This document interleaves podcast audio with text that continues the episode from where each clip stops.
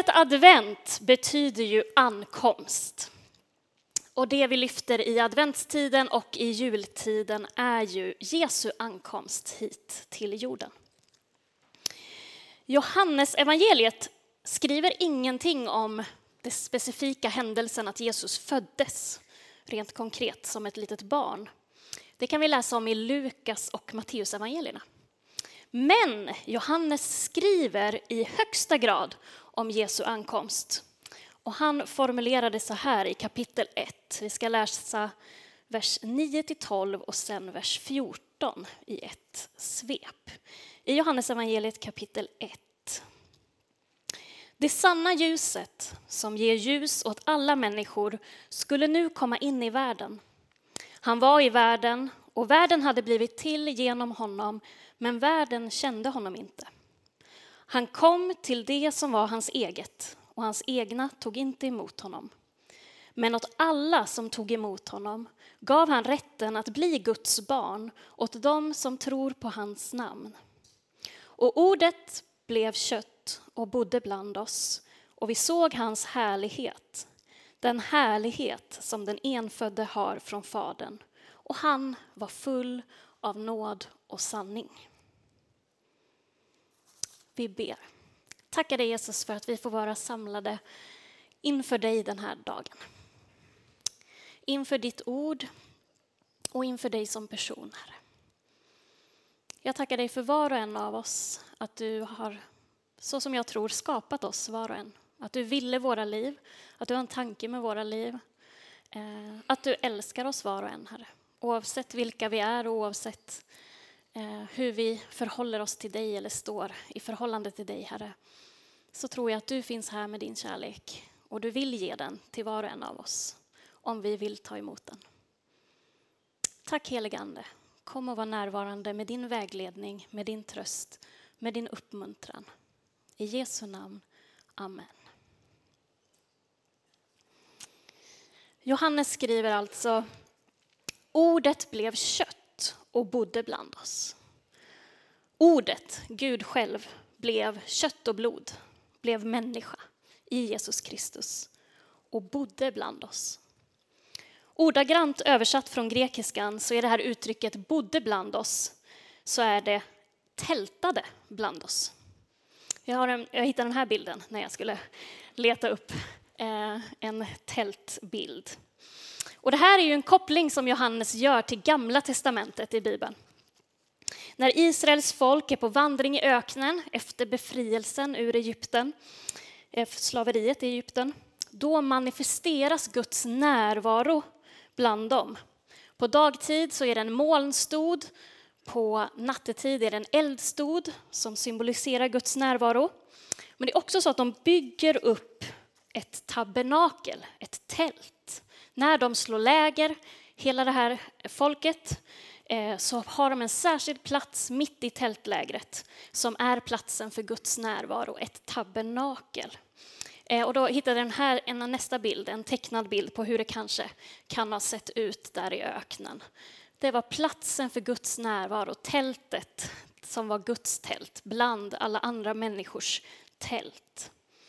Så när Johannes ska beskriva vem Jesus är och vad det betyder att han har kommit till jorden, då beskriver han det med samma ord som användes i Gamla testamentet för hur Gud tältade bland sitt folk. Alltså, Gud tältar mitt ibland oss, kommer till oss, bor mitt ibland oss genom Jesus Kristus.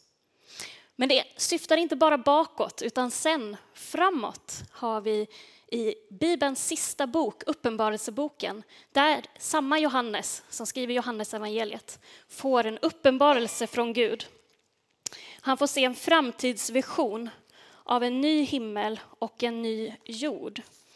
Och i Uppenbarelseboken kapitel 21 så får han höra en röst som säger nu ska vi se, vers 3, Uppenbarelseboken 21. Och jag hörde en stark röst från tronen. Se, nu står Guds boning bland människorna. Han ska bo hos dem och de ska vara hans folk och Gud själv ska vara hos dem. Och han ska torka alla tårar från deras ögon. Döden ska inte finnas mer och ingen sorg och ingen gråt och ingen plåga, för det som förr var är borta. Det är samma begrepp här. Guds tält står bland människorna och han ska tälta hos dem. De ska vara hans folk och Gud själv ska vara hos dem. Ordet blev kött och bodde bland oss. Jesus kom för att visa att Gud bor bland oss. Gud är med oss. Att Jesus är Gud hos oss. Så vill du veta vem Gud är? Vill du veta vad Gud tycker om dig? Undrar du någon gång vad Gud skulle säga om din synd, om dina misslyckanden, om dina kamper, om ditt liv? Titta på Jesus. Lyssna på Jesus. Lär känna Jesus. Detta är varför Jesus föddes till jorden. Det här är varför stjärnan tändes på himlen. Det här är varför änglarna förkunnade för herdarna att det var ett glädjebud. Gud vill kontakt, Gud vill närhet, Gud vill gemenskap, Gud vill relation och han har öppnat en väg för detta. Det är glädjebudet för hela folket, för alla folk och för oss. En levande relation med Gud själv genom Jesus Kristus. Ibland tror jag det kan bli så att vi förväxlar ordningen, även vi som är kristna. Alltså att vi pratar om Jesus, men vi fokuserar mer på kyrkan eller på Bibeln. Jag, jag tänker så här, vi ska ta nästa bild här. Ibland kan det vara som att vi har Jesus och så föreställer vi oss att det är Jesus som ger oss Bibeln. Och så står vi där och så är det Bibeln som står liksom närmast. Det är Bibeln vi måste dela med, vi måste fatta allting och det är den jag måste få gå ihop. Det är Bibeln som är grejen, jag måste liksom förstå Bibeln. Och så står Jesus liksom ett steg längre bort. Eller om vi tar nästa bild, att det skulle vara kyrkan, att Jesus liksom kom och gav oss kyrkan. Och så är det kyrkan jag ska dela med. Det är kyrkan jag ska förstå mig på, det är kyrkan jag ska engagera mig i, det är kyrkan jag ska ge all min tid och energi. Och så hamnar liksom Jesus ett steg längre bort, bakom allt det här. Och så har jag en massa grejer i mitt knä som jag, oh, tror jag på det här och vill jag det här? Och jag fattar inte alltid det här som alla andra eh, i kyrkan tycker och tänker och säger. Men Jesus skrev inga böcker. Han skrev inga instruktioner. Ingenting vad vi vet som finns bevarat i alla fall. Det var andra som insåg att ja, men vi vill komma ihåg vad Jesus har sagt. Vi vill komma ihåg vad han har gjort och vi vill komma ihåg det så vi kan berätta det för andra, för de som inte var med. Så de skrev om Jesus. De satte på pränt det Jesus sa för att det är viktigt att föra det vidare. Men Jesus själv skrev ingenting. Jesus själv har inte lagt en bok i våra knä som vi måste förstå. Och å ena sidan kan man säga att Jesus grundade en kyrka, men å andra sidan kan man säga att nej, men Jesus grundade ingen kyrka. Inte kyrka så som vi har det med byggnad och verksamhet och, styr, och församlingsmöten och styrelseprotokoll och sådär som, som vi kommer ha lite efter gudstjänsten. Men, men vi, eh, alla människor som samlades runt Jesus, det blev liksom en grupp. Och Jesus såg på den här gruppen och sa, älska varandra, det är er uppgift. Och han sa, när två eller tre möts, då är jag mitt ibland er. Så absolut, Jesus uppmanade oss att vara en grupp, att vi som vill följa Jesus, ja men ni ska hjälpa varandra, ni ska stötta varandra, ni kan be tillsammans, ni kan skapa någonting tillsammans. Och av det blev det sen kyrkobyggnader, kyrkoverksamhet. Men Jesus ger oss inte själva byggnaden. Jesus ger oss inte själva verksamheten. Jesus ger sig själv till oss och för oss. Så Bibeln och kyrkan är ju absolut viktiga. Men det är ju för att det är Bibeln som ger oss Jesus. Det är kyrkan som ger oss Jesus, om vi vänder på det. Hur ska vi här och nu, som sagt, som inte träffade Jesus live, få reda på någonting om honom? Jo, men absolut, vi kan läsa om de som träffade honom, de som mötte honom. Och av det så kan jag få ha Jesus här framför mig. Och jag visst, kyrkan kan i sina bästa stunder, nästa bild, vara den som får förmedla Jesus till oss. Ge oss någonting av Jesus så att jag kan få ta emot och ha Jesus framför mig. Så varken Bibeln eller kyrkan ska egentligen stå emellan mig och Jesus, men ibland blir det så. Ibland blir det att ja, men det är den här boken jag måste deal med, jag måste förstå den, jag måste ta tag i den här, jag måste, och jag fattar inte, någon tolkar den på det sättet och någon annan tolkar den på det sättet, och vad ska jag göra med den? Eller så är det kyrkan som ibland står i vägen för Jesus. Oh, nu, oh, nu var det dags för oss att koka kaffet igen. Ha, nu ska vi gå på det här eh, mötet och nu ska vi sitta och välja ordförande och sekreterare. Och, oh, ja, det är så mycket. Och så ska det städas och ja, men det är klart att vi ska ställa upp och vara med på allting. Men så kan det nästan skymma själva Jesus.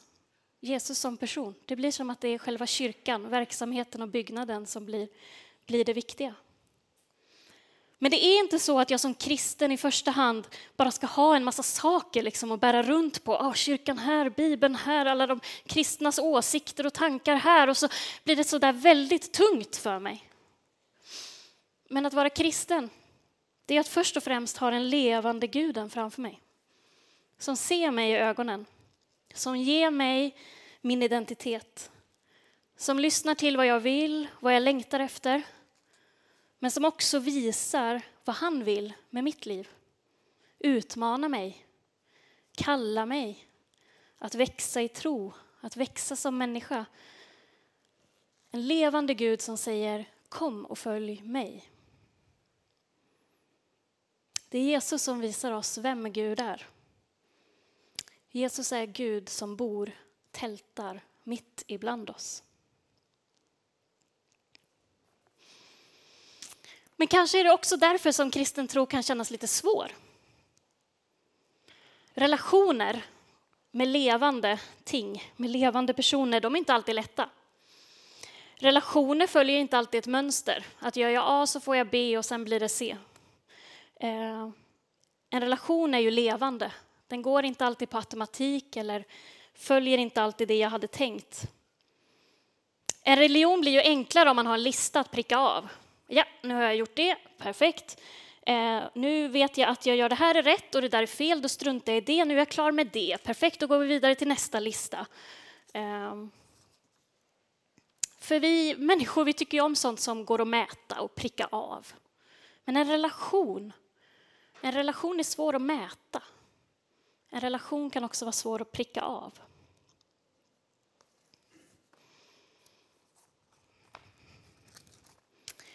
Jesus, han blir ofta irriterad på fariseerna i sin tid. De som var de religiösa, nej men de var överlåtna helt enkelt, var de. De ville följa Gud. Fariseerna, det fanns mycket gott i deras vilja att, att göra allt rätt enligt Gamla Testamentet. Att följa det som Gud har sagt. Men Jesus blir ofta irriterad på dem. Nästa bibelord är från Matteus 23 och vers 23. Där säger Jesus, ve er skriftlärda och fariseer, era hycklare. Ni ger tionde av mynta, dill och kummin, men försummar det viktigaste i lagen, rättvisan, barmhärtigheten och troheten. Ni borde göra det ena utan att försumma det andra. Varför var de så noga med tiondet, alltså att ge 10 procent av sina små kryddor eh, till Gud? Det är något som Gud uppmanar till i Gamla testamentet, att ge tionde. Men varför var de så noga med det och struntade i rättvisan och barmhärtigheten? Var det för att de var onda människor? Nej, jag tror inte det. Jag tror att det var för att de var människor, helt enkelt. Vi har ju en tendens att hålla fram det som går att mäta och räkna. För det är ju så enkelt med tiondet just. Det är ju bara att räkna ut. Ja, men jag delar upp mina kryddor i tio lika stora högar och så ska Gud ha en krydda, templet eller hur det var, rökelsen eller vad det kan ha varit till. I vilket fall, det är jätteenkelt. Då vet jag, jag har gjort rätt. Jag har mitt på det torra. Eh, jag kan vara lugn, jag kan slappna av. Jag kan känna mig nöjd med mig själv. Ah, vad duktig jag är ändå. Men rättvisa, barmhärtighet, trohet, hur räknar man på det? Hur vet jag när jag har gjort tillräckligt? När har jag blivit klar? Nej, det är svårt att räkna och då blir det jobbigt för oss. Då är det enklare att fokusera på tiondet. Ja, men då vet jag i alla fall att jag har gjort rätt. Och att ge tionde är ju såklart inte ett hinder i min relation till Gud. Jesus säger ju det själv. Ni borde göra det ena utan att försumma det andra. Men vi tenderar att lätt bli som fariseerna. Vi har också lätt att vilja räkna. Räkna gudstjänstbesök, räkna antalet gånger vi har ställt upp. Eh, Jämför jämföra oss med andra. Ja, jag har i alla fall varit med och kokat kaffe mer än dem. Så det så. Eller, åh oh, oh nej, jag klarar ju inte av att gå på allt som de där, de är ju alltid i kyrkan. Oh, ja, jag får försöka skärpa mig. Och så fastnar vi i, i jämförandet, i räknandet. Eller vem som har mest rätt i sin bibeltolkning. Vem ska jag lita på? Den har nog nio rätt av hur jag tänker som Bibeln bäst. Jag går dit. Men Jesus Kristus kom till den här jorden för att visa oss vem Gud är. Inte för att få oss att räkna fler grejer. Så hur lär jag känna Jesus? Hur får jag en levande relation med Gud? Vi har riktlinjer som kyrkan under nästan 2000 år av erfarenhet gång på gång har pekat på som vägar för att närma sig Gud och växa i sin relation med Jesus. För kyrkan är ju inte dålig. Utan när kyrkan är som bäst, då hjälper hon oss att komma nära Jesus. Så vi kan ta nästa bild. Jag har bara listat några saker. För det är ju inte dåligt att gå på gudstjänst, utan det kan mycket väl vara vägen närmare Gud. Om det får vara det som är fokuset och inte mitt jämförande med andra eller om jag gör det bara för att räcka till och vara godkänd eller kunna vara nöjd med mig själv. Utan gång på gång så pekar kyrkan på hur viktigt det är med den gemensamma gudstjänsten. Den gemensamma tillbedjan och lovsången, den gemensamma bönen, den gemensamma bibelläsningen. Som jag sa, människor samlades runt Jesus och Jesus sa älska varandra, hjälp varandra. När ni samlas så är jag eh, två eller tre eller fler, då är jag mitt ibland er. Ja, vi behöver varandra. Vi behöver varandras uppmuntran, vi behöver varandras hjälp för att eh, komma närmare Jesus. Och när vi är tillsammans så, så får vi också syn på en del av, av Jesus i varandra. Eh, att få hjälp av någon är att få hjälp av Jesus. Att hjälpa någon annan är att hjälpa Jesus. Eh. Så det gemensamma. Vill jag ha en relation med Gud? Ja, men fortsätt med detta. Det är goda saker.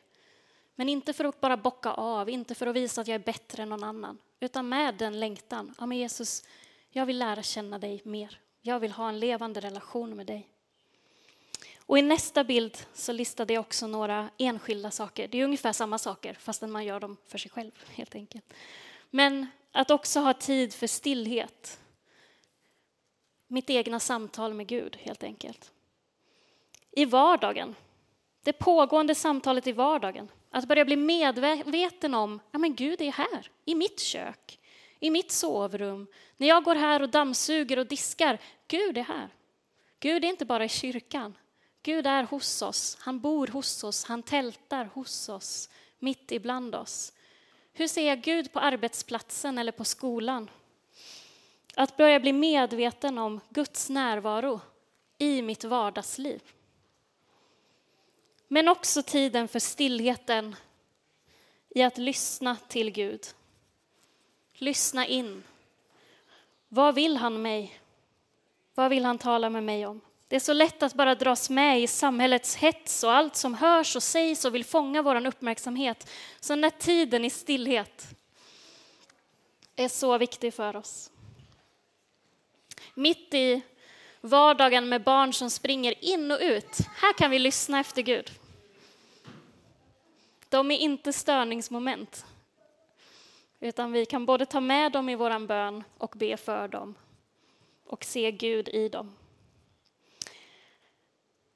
Men också det här med att dra sig undan. Jesus säger i Matteus, jag har inte med det på bilderna här, när du ber, går du in i din kammare och stäng dörren och be till din far som är i det fördolda. När ni ber ska ni inte rabbla tomma ord. Gör inte som hedningarna, de tänker att de ska bli bönhörda för sina många ords skull, men er far vet vad ni behöver redan innan ni ber honom om det. Att spendera tid tillsammans med din far som vet vem du är och som vet vad du behöver. Men jag vill också lyfta upp det förtroliga samtalet med en annan kristen. Det samtalet just får kretsa kring tro, kring mitt liv med Jesus. Där man kanske kan få ställa frågan, hur gör du för att be? Eh, hur lever du med Jesus i din vardag? Har du upplevt Guds närvaro den senaste tiden? Hur ska man, alltså att be om hjälp, hur ska jag bemöta syrliga kommentarer på jobbet om att jag är kristen? Kanske du kan fråga en vän om. Eller hur ska jag hjälpa min vän som har det svårt? Att ta hjälp av varandra. Att samtalen inte alltid bara ska vara på den här ytliga nivån om vädret och tv-serierna och det senaste skvallret, utan också våga ställa frågor till min kristna vän. Hur har du det med Jesus? Hur orkar du med ditt vardagsliv? Kan vi hjälpa varandra? Kan vi be tillsammans? Det som faktiskt kallas andlig vägledning, även om det kan låta lite högtidligt kanske, om man inte är van vid det. Men att hjälpa varandra i livet med Jesus. Det kan ju vara med någon som har gått lika länge som en själv med Jesus, så att man är ganska lika på samma nivå. Eller så letar du upp någon som har gått längre än du, som kan hjälpa dig. Vad är nästa steg i min tro? Eh, hur kan jag lära känna mer? Jesus mer? Paulus han kallade sig som att han var andlig far till Timoteus, en yngre medarbetare som han fick vägleda och föra framåt. Har du någon andlig far eller någon andlig mor som du kan dela ditt liv med? Eller har du något andligt barn som du hjälper vidare på vägen i det kristna livet? Mm. Det gemensamma och det enskilda, det som kan hjälpa mig att fördjupa min relation med Gud. Men vi har också något annat väsentligt som Jesus vill leda oss in i, det som Jesus kritiserade fariseerna för att de inte gjorde. Vi kan ta nästa bild. Att utöva barmhärtighet, rättvisa och trohet. Och andra saker som Bibeln nämner, vänlighet, tålamod, ödmjukhet, kärlek. Det som sammanfattas med orden att älska sin nästa som sig själv. Som kyrka är vi kallade att göra det. Vi försöker göra det. Varför har kyrkan verksamhet? Ibland blir det så att vi knappt förstår det själv. Men egentligen så är vi ju kallade att vara ett ljus i den här världen. Att praktisera kärlek, barmhärtighet, rättvisa utåt. Vi kan behöva öva på det ibland. Men vi kallade till det som kyrka. Och också var och en i vår vardag. Att stå upp för det som är gott och det som är rätt. Det som Jesus stod för. Han hade tålamod. Jesus var vänlig, han var ödmjuk, han var full av glädje och frid. Han var barmhärtig, rättvis och trofast. Så ju mer plats vi ger detta i våra liv och försöker leva i det, desto närmare Jesus lever vi. Sådan som han var, sådan får vi försöka att leva som. Så det är julens budskap i ja, liksom sin kärna. En Gud som kommer till oss som inbjuder oss till en levande relation, till ett liv med honom. Vi kan ta sista bilden, samma bild här igen. Alltså att ordet blev kött och bodde bland oss, tältade bland oss. Vi såg hans härlighet, den härlighet som den enfödde har från Fadern och han var full av nåd och sanning. Jesus inbjuder dig att slå dig ner vid lägerelden, att komma nära honom som har kommit till dig. Vi ber tillsammans. Tack Jesus för att du kom och bodde bland oss. Att du visade oss att Gud inte är långt borta från någon enda av oss. Att det är i honom vi kan röra oss och vara vara till. Tack Gud för att du är ljuset i mörkret.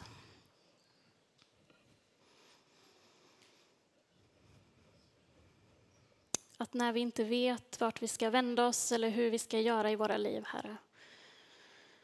Du finns där och vill guida oss och vägleda oss, vara, bo hos oss i våran vardag, i vårt vardagsliv. Du kom inte för att fördöma eller anklaga, utan du kom för att ge liv och liv i överflöd. Jag ber för de av oss som längtar efter mer av dig, Herre. Kom och var nära. Be för dem av oss som inte riktigt vet om vi ska våga oss närma oss dig eller inte. Att vi inte riktigt litar på att du är så där god. Att vi inte litar på att du vill oss väl. Jag ber för oss när vi inte riktigt vågar närma oss dig. Visa din, din nåd och din kärlek på ett sätt som vi kan få förstå. Visa att du inbjuder oss.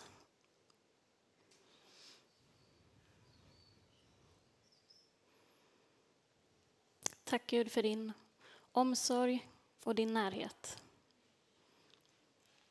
Tack för att du är mitt ibland oss, bor mitt ibland oss, tältar mitt ibland oss. I Jesu namn. Amen.